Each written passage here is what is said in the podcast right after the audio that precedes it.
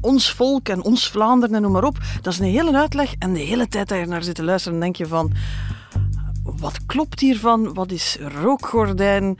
Wat is hier eigenlijk echt aan de hand? Wat speelt er allemaal in de coulissen van de macht? Als ik die vraag weer eh, voel opborrelen, dan trek ik naar de redactie van het Nieuwsblad in Antwerpen. Daar krijg ik dan enkele heldere punten over de actualiteit van hoofdredacteur Liesbeth van Impe. Dag Liesbeth. Dag Jeroen. En van chef politiek Hannes Hendricks. Dag Hannes. Dag Jeroen. Ik ben Jeroen Roppe. Dit is de Actua-podcast van het Nieuwsblad. Het punt van Van Impe.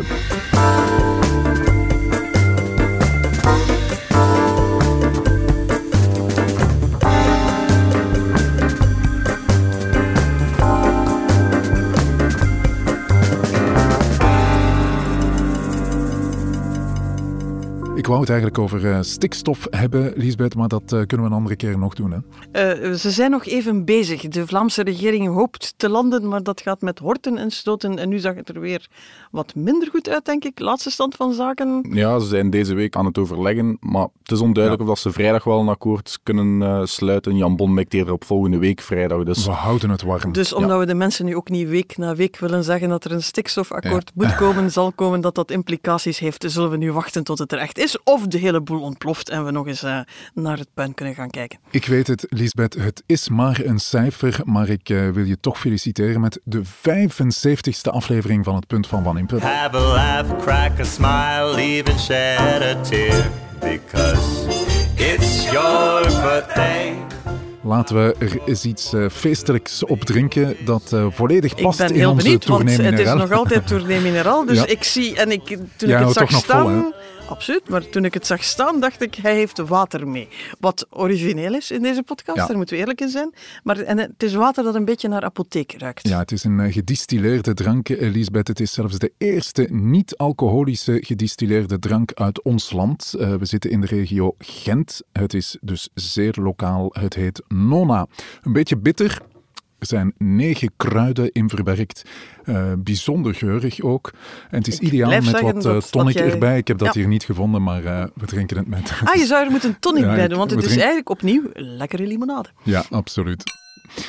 Dries van Langenhoven, Kamerlid uh, voor het Vlaams Belang, stapt uit de politiek. Ik uh, zou natuurlijk willen weten waarom, uh, Hannes. Ik wil ook weten wat dat betekent voor het politieke landschap. maar ga je missen in het parlement? ik persoonlijk ga hem niet echt missen. het is niet, ja, hij zelf zegt dat hij heel actief was in het parlement. Ja, maar 421 het is niet dat hij, vragen, ja, het is niet dat hij daar echt, tussenkomsten. Ja, grote dingen heeft kunnen veranderen. Ik denk dat dat zelf zijn frustratie ook was. En een van de voornaamste redenen waarom dat hij nu uit het parlement stapt. Dus nee, daar ga ik hem alleszins uh, niet missen. Ik wil het ook hebben over Paul Magnet, Elisabeth, de voorzitter van PS. Uh, die ja, wil de heel graag... van de week, hè? Ja, ja die kan goed uh, moppen vertellen. En hij wil ook heel graag eerste minister worden. Ik dat al, zei hij de vorige week. van de week.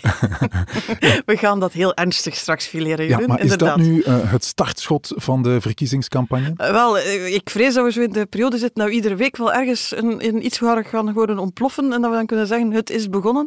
Het blijft gruwelijk vroeg. Ik blijf bij mijn stelling van het begin van het jaar. Zij hebben zich van jaar vergist. Ja. Ze zijn allemaal een jaar te vroeg, maar Paul Magnet doet dus ook al vrolijk mee. En dan wou ik nog jullie punt horen over de regio's die het bestuur in Vlaanderen efficiënter moeten maken. Hoeveel zijn het er, weten jullie het? Het zijn er, uh, ja, ik weet Ik heb het opgezocht, hè. Vijf, vijftien, hè. 15, ja. Het zijn er zijn 15. 15. Ja. Het is vooral weer een extra laag. En dus um, je moet alles eenvoudiger maken, maar het is uh, ja, niet helemaal duidelijk of dat gaat lukken. Nee, behalve Limburg. Limburg uh, wordt niet opgedeeld in regio's. Nee, oh, Limburg- Limburg is al lang opgedeeld. Hè. Er is een Nederlandse Limburg en een Belgisch Limburg, dus we gaan het Ja, niet we- nog eens opdelen. Hannes, we hebben een Limburger aan tafel. Ik vrees dat we dus daar geen grapjes gaan mogen over maken.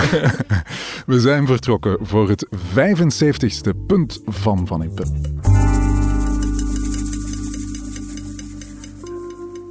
Ik heb een beslissing genomen. Een beslissing waarover ik niet over één nacht ijs ben gegaan. Ik stap uit het parlement. Maar dat betekent niet dat ik stop met politiek. Integendeel. Ik heb mij altijd al meer activist gevoeld dan politicus. Ik zat in het parlement, maar ik ben nooit van het parlement geweest. Dries van Langenhoven stopt als parlementslid. Hij wil zich voortaan uh, meer toeleggen op uh, zijn eigen mediaplatform. Wat dacht je toen je dat hoorde, Lisbeth? Uh, heel veel vragen. Je, je krijgt een persconferentie waar, waar Dries van Langenhoven naast Tom van Grieken zit. Heel hard duidelijk te maken dat ze eigenlijk ik zei bijna in vriendschap uiteengaan, maar het is zelfs niet echt duidelijk of ze uiteengaan. Je hebt dan Dries van Langenhoven in zijn heel gekende stijl. Hij klinkt toch altijd een beetje alsof hij zijn, zijn eigen brochuurtje ingeslikt heeft. Ehm, een heel verhaal heeft er dan ook een filmpje op YouTube gezet, 20 minuten aan een stuk, over hoe hij het verschil wil maken voor ons volk. Ja. ik ga er nu vanuit dat hij ons daar ook bij rekent. Ehm, ons volk en ons Vlaanderen en noem maar op. Dat is een hele uitleg. En de hele tijd dat je naar zit te luisteren, denk je van wat klopt hiervan? Wat is rookgordijn? Wat is hier eigenlijk echt aan de hand? Ja, want we weten van Langenhoven is ook de man achter eh, Schild en Vrienden, een eh, extreemrechtse beweging die in verband wordt gebracht met racisme, antisemitisme, seksisme ook. Een aantal van die leden moeten voor de rechter komen wegens eh, het aanzetten tot haat en geweld. Van Langenhoven zelf ook. Is dat de echte reden van het ontslag, denk je, Hannes? Goh, dat speelt alleszins uh, zeker mee hoor. We hadden al een aantal weken, maanden in de gaten dat, het, dat er iets aan het borrelen was binnen Vlaams Belang rond die figuur van Dries van Langenhoven. Er zijn met name uh, kopstukken binnen de partij die echt wel vrezen dat Dries van Langenhoven veroordeeld zou worden voor racisme. En dat vlak voor de verkiezingen, wat een hele storm zou veroorzaken, waardoor eh, Vlaams Belang ook terug in verband zou gebracht worden met racisme. Ja, je weet natuurlijk, Vlaams Blok is ooit veroordeeld voor racisme, dus helemaal ondenkbaar is dat niet. Het is trouwens de reden dat hij ook, het is een van de redenen dat hij geen lid was van de partij. Hij zat als onafhankelijke uh, in het parlement, behoort wel heel duidelijk tot die Vlaams Belangfractie, was de woordvoerder voor de partij uh, op asiel en migratie. Maar goed, het was heel duidelijk dat zolang dat die rechtszaak daar hangt, dat hij, hij niet formeel tot de partij kon gaan behoren. Want je zou kunnen zeggen, de vorige keer dat Vlaams Belang, uh, het Vlaams Blok toen nog veroordeeld is. Toen heeft hen dat electoraal totaal geen windeieren gelegd. Daar moeten we eerlijk in zijn. Ze hebben toen, denk ik, hun beste resultaat uh, tot nu toe geboekt. Alleen de inzet voor Tom van Grieken is compleet veranderd. Hij wil niet meer gewoon die verkiezingen winnen, want dan is martelaar Dries van Langenhoven in de rangen misschien zelfs een heel goed instrument. Hij maar hij wil achteraf deelnemen aan de macht. Hij wil een uitnodiging krijgen om op de thee te gaan bij, bij Bart de Wever en over de vorming van een, een, Vlaamse regering te spreken. En Bart de Wever heeft de hele tijd al gezegd van, ja, zolang je figuren als Ries van Langenhoven in je rangen hebt, ja, moet je bij mij niet afkomen, je moet daar eerst grote kuis gaan houden. Ja. ja. En los, van, los van die veroordeling was er ook frustratie over Dries van Langenhoven in het parlement dan, die asiel en migratie behandelt uh, voor het Vlaams Belang. Maar eigenlijk ja, daar de meest rechtse positie um, die denkbaar, ja, denkbaar is uh, aan het innemen was, waardoor hij nooit toegang vond tot klassieke media om zijn verhaal te doen. Um, en ook dat was een frustratie. En je ziet ook nu direct dat binnen Vlaams Belang Barbara Pas nu dat thema gekregen heeft. En Barbara Pas is een van die Vlaams Belangers die wel uitgevoerd uitgenodigd wordt naar de afspraak, noem maar op. Dus ja, dat, dat zal daar wel een aantal dingen oplossen. Maar je zit natuurlijk wel met de vraag, zoals het nu gebracht is. Eh, Bart de Wever had gezegd, je moet verlangen over uit de partij zetten of je moet daar de banden mee verbreken. Ja, je kan moeilijk zeggen dat dat echt gebeurd is. Meer nog, Tom van Grieken doet er alles aan om te zeggen van, ik heb niet op bevel van Bart de Wever mijn partij opgekuist want dat zou zijn partij niet zo tof vinden. Uh, hij zegt eigenlijk van nee, we blijven even goede vrienden. Ja, Bart de Wever blijven... gaat mijn personeelspolitiek niet bepalen. Dus je krijgt er nu een heel schimmenspel waar aan de ene kant wel precies op de bonus gerekend wordt van zie je wel, Dries van Langenhoven, Langenhoven is hier niet meer, uh, dus je kan hem niet meer tegen ons gaan gebruiken. Aan de andere kant, we hebben er op geen enkele manier afstand van genomen. Meer nog, zoals we het begrijpen, gaat Dries van Langenhoven eigenlijk buiten het parlement gewoon verder campagne voeren voor Vlaams Belang. Ja, of uh, propagandamachine voor het Vlaams Belang uh, spelen, zoals uh, minister Demir het zei. Dus, Hannes, dan komt het Vlaams Belang hier sterker uit. Wel ja, ik denk dat dit voor Tom van Grieken de best mogelijke oplossing is. Hè. Het zou inderdaad een heel ander verhaal zijn mocht hij Dries van Langenhoven met harde hand hebben buiten gekegeld. Ja, dan zou hij een heel aantal kiezers ja, tegen zich in het harnas... zijn eigen partij en bij zijn eigen kiespubliek.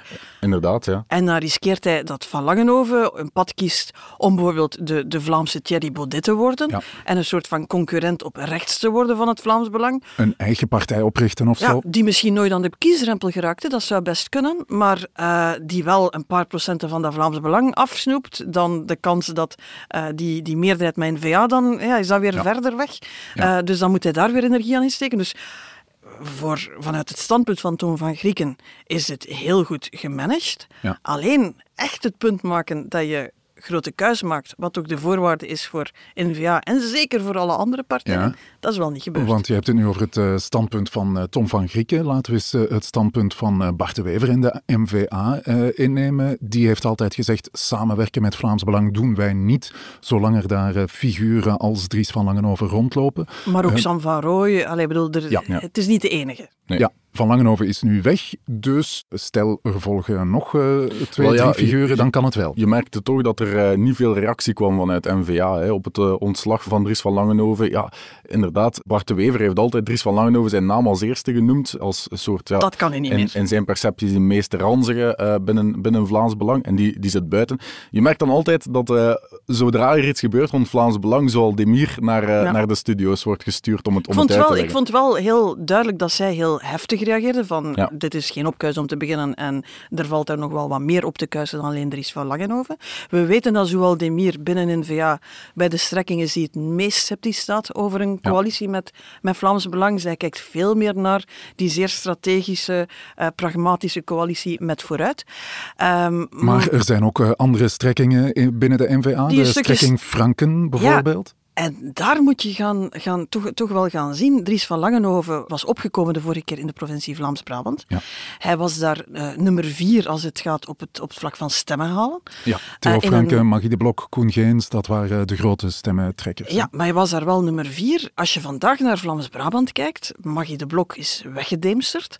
Koen Geens, die komt er eigenlijk niet meer aan te pas. Dus het is niet helemaal duidelijk of dat daar evenwaardige, even sterke alternatieven gaan gevonden worden binnen partijen die het sowieso al moeilijk hebben. Ja. Nu wordt ook nog eens Dries van Langen, Langenhoven van het schaakbord gehaald. Dus Theo dat is Franken, goed nieuws voor Theo Franken. Theo Franken, die al een zeer goede score had bij, tijdens de slechte verkiezingen de vorige keer. Die zijn positie toen formeel wel versterkt heeft, maar Bart de Wever is toen wel in geslaagd om hem eigenlijk onder de knu te houden en heel veel gemanoeuvreerd om Theo Franken uh, toch wat naar de, de rand te duwen blijft waanzinnig populair binnen de partij en zou dus wel ja, versterkt uit die verkiezingen in 24 kunnen komen ja. en met voorsprong het beste resultaat van iedereen kunnen neerleggen, inclusief Bart de Wever. Ja, Theo Franken die versterkt uit de verkiezingen komt. Hannes, betekent dat dat een coalitie N-VA-Vlaams Belang zo uh, nog ja, veel realistischer wordt? Goh, ja, hoe je het ook draait of keert, er is een, een strekking en die is eigenlijk vrij groot binnen N-VA die altijd heeft opengestaan voor een samenwerking met Vlaams Belang. Dat is een strekking die als enige doel heeft om meer Vlaamse autonomie, Vlaamse onafhankelijkheid ja. te bekomen. En, en de manier was waarop... het maar om te zeggen, we gaan zo kapot regeren. Allee, alle ja. redenen zijn daar goed, maar dat zijn degenen die zeggen van, we moeten daar toch de kiezer volgen en onze ja. kiezers ook volgen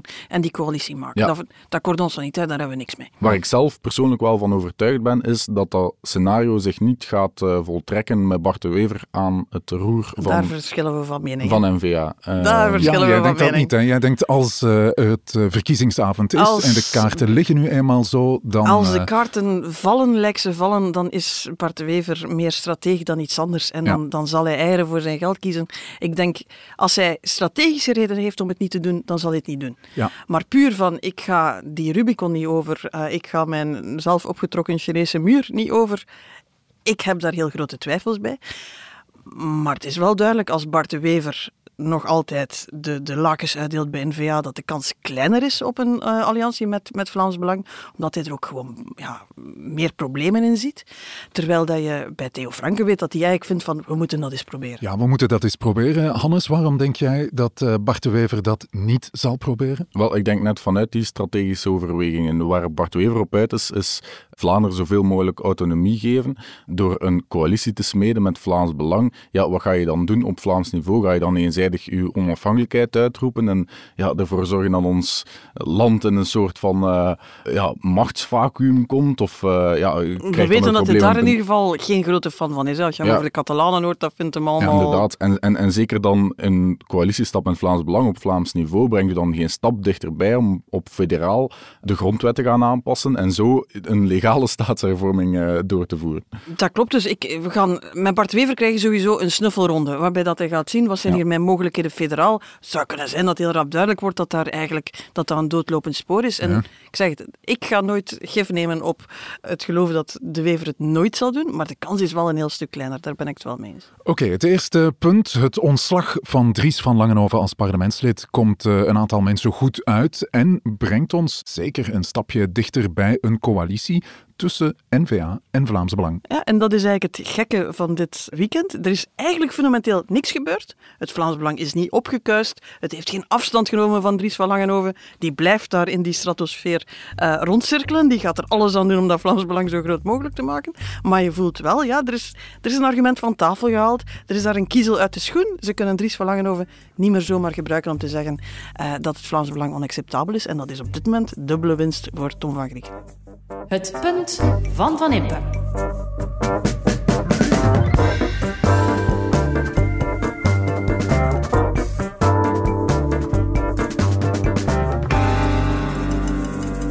Oké, okay, Lisbeth, Hannes, uh, kennen jullie die mop al?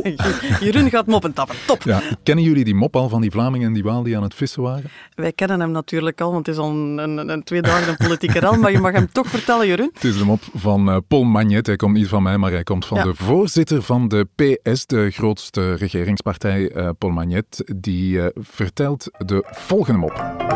Er was eens een waal en die waal die was aan het vissen komt er een Vlaming voorbij en die zegt tegen die waal: Maar koop toch een grotere boot met meer vislijnen, dan kan je meer verdienen en sneller stoppen met werken. En wat ga je daarna doen? vraagt de waal. Wel, dan ga ik vissen zoals jij nu.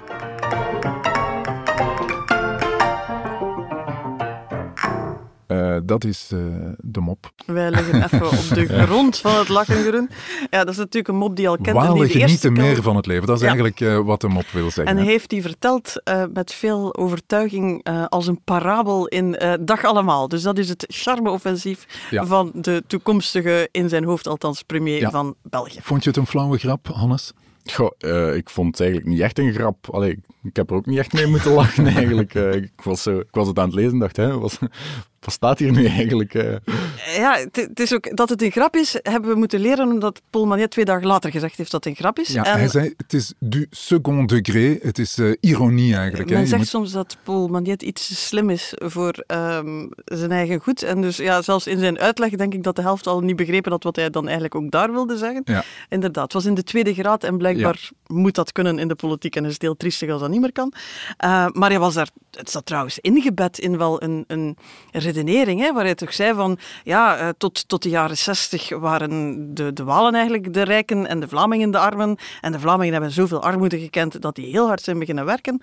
En dat zit daar zo'n beetje ingebakken. Die kunnen zo niet meer goed van het leven genieten, terwijl een Waal graag van het leven geniet en dat dat toch ook niet verkeerd is. Dus het zat nog eens ingebed in een tweede versie van hetzelfde verhaal dat eigenlijk ja, zo ongeveer alle clichés over Vlamingen en, en, en Walen bevestigt. Ja, want voor alle duidelijkheid, een uh, Waal is zeker niet uh, luier dan een uh, Vlaming of een Brusselaar. Daar zijn studies over uh, gemaakt. Ik dat de Brusselaars ja. er ook weer gingen. Ja, ja, er was geen Brusselaar aan het vissen, nee.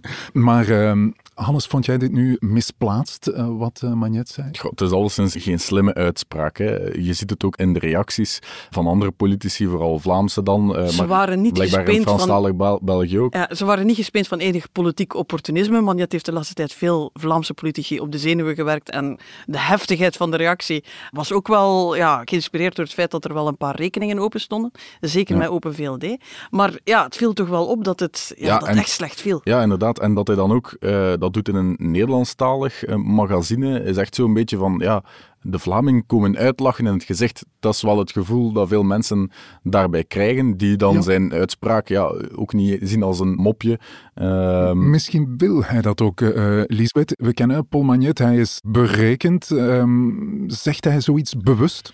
Ja, maar toch soms ook wel een beetje toondoof. Is, het is niet zomaar een graf van uh, oei, het is eruit gefloept en uh, hij heeft het interview nagelezen. Hij heeft een behoorlijke tijd uitgetrokken om heel de mop tot einde te vertellen en dan nog eens ja. in een andere versie. Dus het is, geen, het is niet per ongeluk gebeurd. Hè, maar ja. Ja, wat ben je dan eigenlijk, welke boodschap ben je dan nu eigenlijk aan de lezer van Dag Allemaal ja. aan het brengen?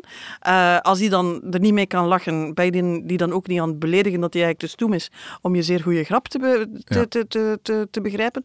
Dus je Wat je hiermee wil bereiken is mij totaal onduidelijk en het is op zijn minst toondoof. Ja. Je zit het te lezen en je denkt van, meent hij dat nu? Als hij het meent, wat wil hij er dan mee zeggen? En als hij het niet meent, waarom vertelt hij dat ja, in Hij heeft onlangs hetzelfde gedaan in een interview in, in Humo, waarin hij zei dat hij de e-commerce, dus het uh, shoppen via, um, via websites... Ja, dat uh, wou hij afschaffen. Ja, hè? Gewoon, dat was hier niet nodig. Afschaffen. En, en je zag daar ook dat hij dan ja, moest terugkomen op die uitspraak en, en zelf zei dat het eigenlijk niet zo slim was. Nu, ik ken Paul Magnet wel als, als iemand die altijd rechtdoor spreekt en altijd zijn, zijn mening zegt, wat in de wedstrijd soms zeldzaam is. Dat is waar. Er is weinig wol bij, bij Paul Magnet, maar, maar ja, soms gaat hij dan ook wel echt erover en, en ja, kijkt hij op een bepaalde cynische manier naar, naar, naar discussies en dan ja, komen daar dat soort uitspraken en uit. Het is ook niet de eerste keer. Ik bedoel, Paul Magnet is, het is intussen twintig jaar geleden, denk ik, uh, het toneel opgestormd. Toen nog echt als een poulain van Elio Di Rupo. Dat was de professor, de marxist, de slimme mens. Die, de man die uh, ook uh, grote kuis hield die vernieuwing ging brengen, een nieuw soort PS ging zijn, maar die wel af en toe ja, een rare connectie maakt met kiezers, soms rare dingen zegt. Um, en, en waar dat dan gezegd wordt dat ja, die Rupo daar toch handiger in was en, en makkelijker ja, de juiste toon vond. Oké, okay, laten we het houden op een inschattingsfout. Is het dat, uh, Hannes? Ja, dat denk ik wel. Hè. Vooral omdat je ook ziet ja, binnen de federale regering, een van die voornaamste werven is zoveel mogelijk mensen aan de slag krijgen. In Wallonië loopt dat heel wat stroever dan in Vlaanderen. Ja, zij leveren met de PS ook de minister van Werk, die daar beleid moet rond uittekenen. Ja, als je dan die uitspraak binnen dat kader ziet, dan denk je toch wel, ja, mis, mis, misschien had je je mond moeten houden. Het wordt wel, het wordt cynisch op het sarcastische af. Hè. Ja. Dus het is zelfs, je kan bijna het grote negeren gaan noemen. Hè. Ik bedoel, die, ja. die meer mensen aan het werk, dat was hoe we al die sociale verworvenheden, die de PS terecht heel belangrijk vindt, gingen betalen. Daar wordt, dat wordt ook door de ministers van de PS nogal makkelijk weggewuifd als we zijn toch goed bezig. Ik moet ook eerlijk zeggen, heel het verhaal van het is bij ons slecht binnengegaan in de jaren 60 en geef ons nog wat tijd. Tot mijn eigen uh, schrik heb ik onlangs geconstateerd dat ik bijna 20 jaar rondloop in de wedstrijd.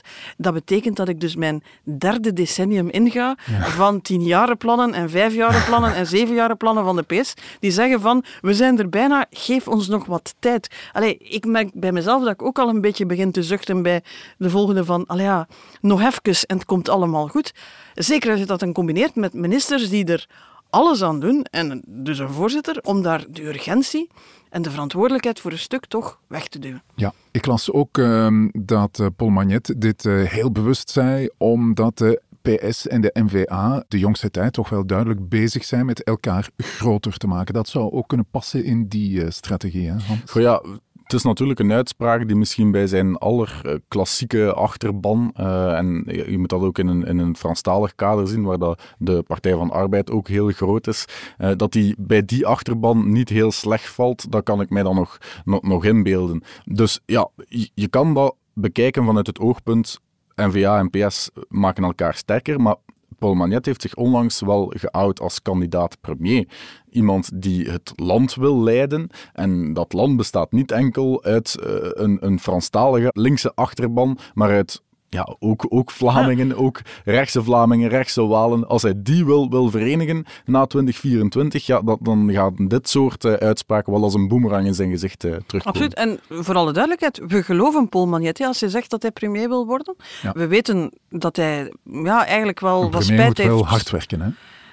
Uh, ja. Daarom heeft hij het premierschap misschien Ja, dat is al niet bot, maar al die vislijnen, verdorie toch. Maar ja, je kunt erachter gaan vissen. Ja, ik kan wel vroeg op pensioen. Hè. Dat, dat is, dan, waar, uh, dat is waar. Goed, maar dus, hij wil premier worden, op zich goede zaak. Ik, ik ben er absoluut voor dat leiders van grote partijen die verantwoordelijkheid willen opnemen. Uh, laten we maar doen. We komen altijd in de problemen als we een van de kleintjes de premier laten leveren. Dus misschien moeten we dan nog eens zo de logische oplossing proberen. Een van de grote.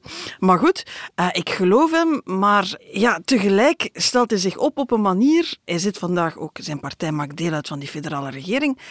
Wat gebeurt er als hij zich nu, ik ga het nu nog één keer zeggen, allemaal een jaar te vroeg. De verkiezingen zijn pas in het voorjaar ja. van 24. Als hij zich nu oud, is dat vooral om zichzelf te profileren. En hij legt eigenlijk, ja, hij zet een grote kaastolp over die federale regering en maakt er nog meer duidelijk dat daar niks meer gaat gebeuren, dat het daar game over is, dat dat zich gaat slepen tot aan die verkiezingen. Dat is nog anderhalf jaar en ja, dan denk ik van ja, je bent een kandidaat premier, meneer Magnet, maar ja, welke verantwoordelijkheid neem je voor de regering, waar je trouwens ook al in zit?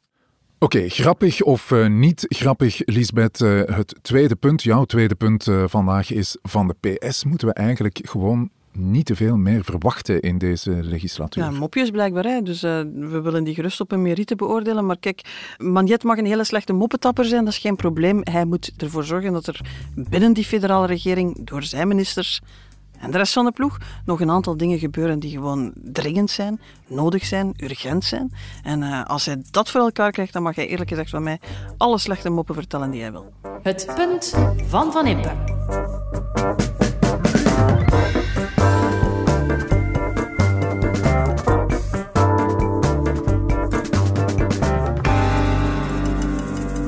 Het uitgangspunt was uh, dat er te veel samenwerkingsverbanden zijn in Vlaanderen. Uh, dus in 2012, een rapport uh, gepubliceerd door de Vlaamse overheid, bleek dat uh, gemeenten gemiddeld 69 of 68 liever samenwerkingsverbanden hebben.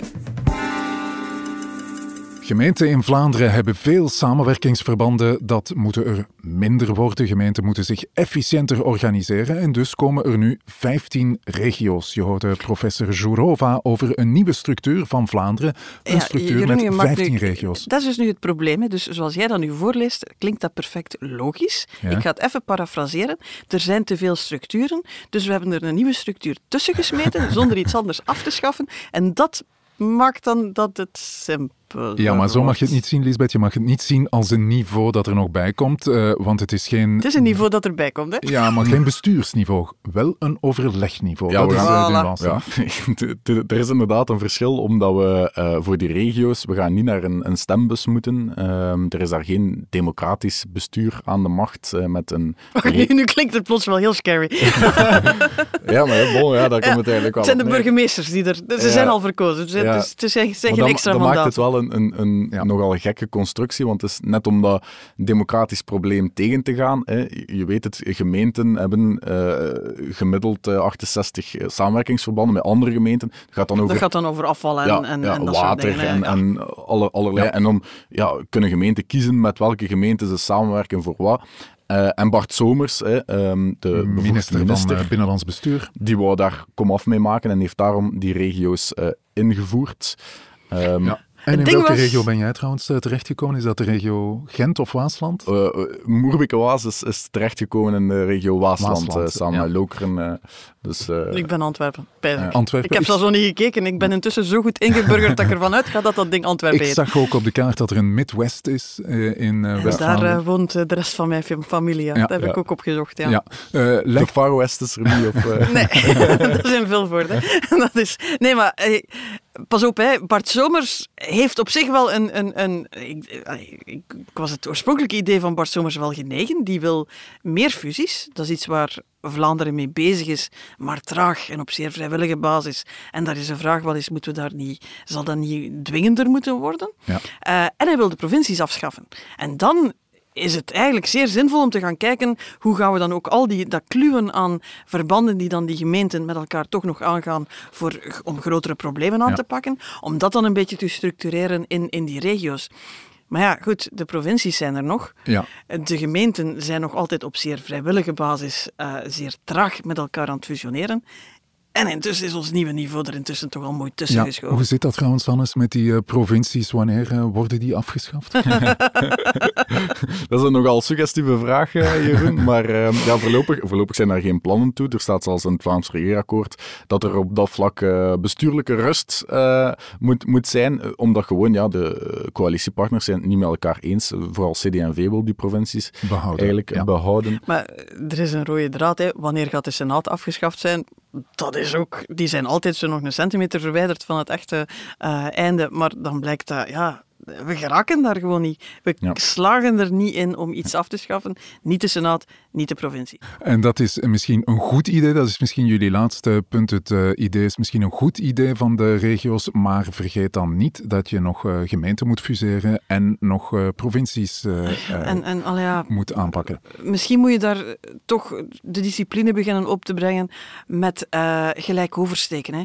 Als je iets nieuw wil invoeren, schaf dan iets anders af. Zeker als dat eigenlijk impliciete bedoeling is. Anders riskeer je dat niemand over twintig jaar kan uitleggen waarom daar in hemelsnaam tussen al die niveaus nog een niveau zit waarvan je ja, misschien ooit wel het doel en, en uh, begrepen hebt, maar waar de optelsom echt een, een, een, een kakofonie is. Het punt van Van Impe.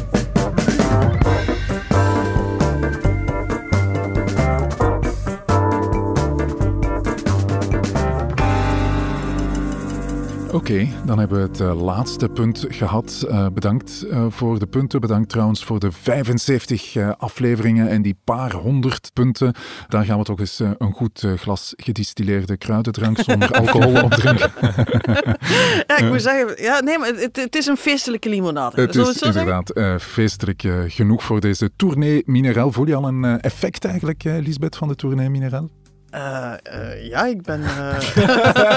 eigenlijk, moet je dat aan mij vragen, hè, Jeroen. Of, of wij een effect merken. Oeh, de Ben Wets aanpakken. Nee, nee, nee, nee, nee. we gaan het daarbij laten, Jeroen. ja, dit was het punt van Van Impe, een podcast van het Nieuwsblad. Je hoorde de stemmen van de hoofdredacteur Lisbeth Van Impe en van Hannes Heindricks, chef politiek. Dank aan de VRT voor de audioquotes, aan Pieter Schevens voor de muziek en aan Pieter Santens van House of Media voor de montage. De productie was in handen van Joni Keimolen en Bert Heijvaart. Tot het volgende punt van Van Impe.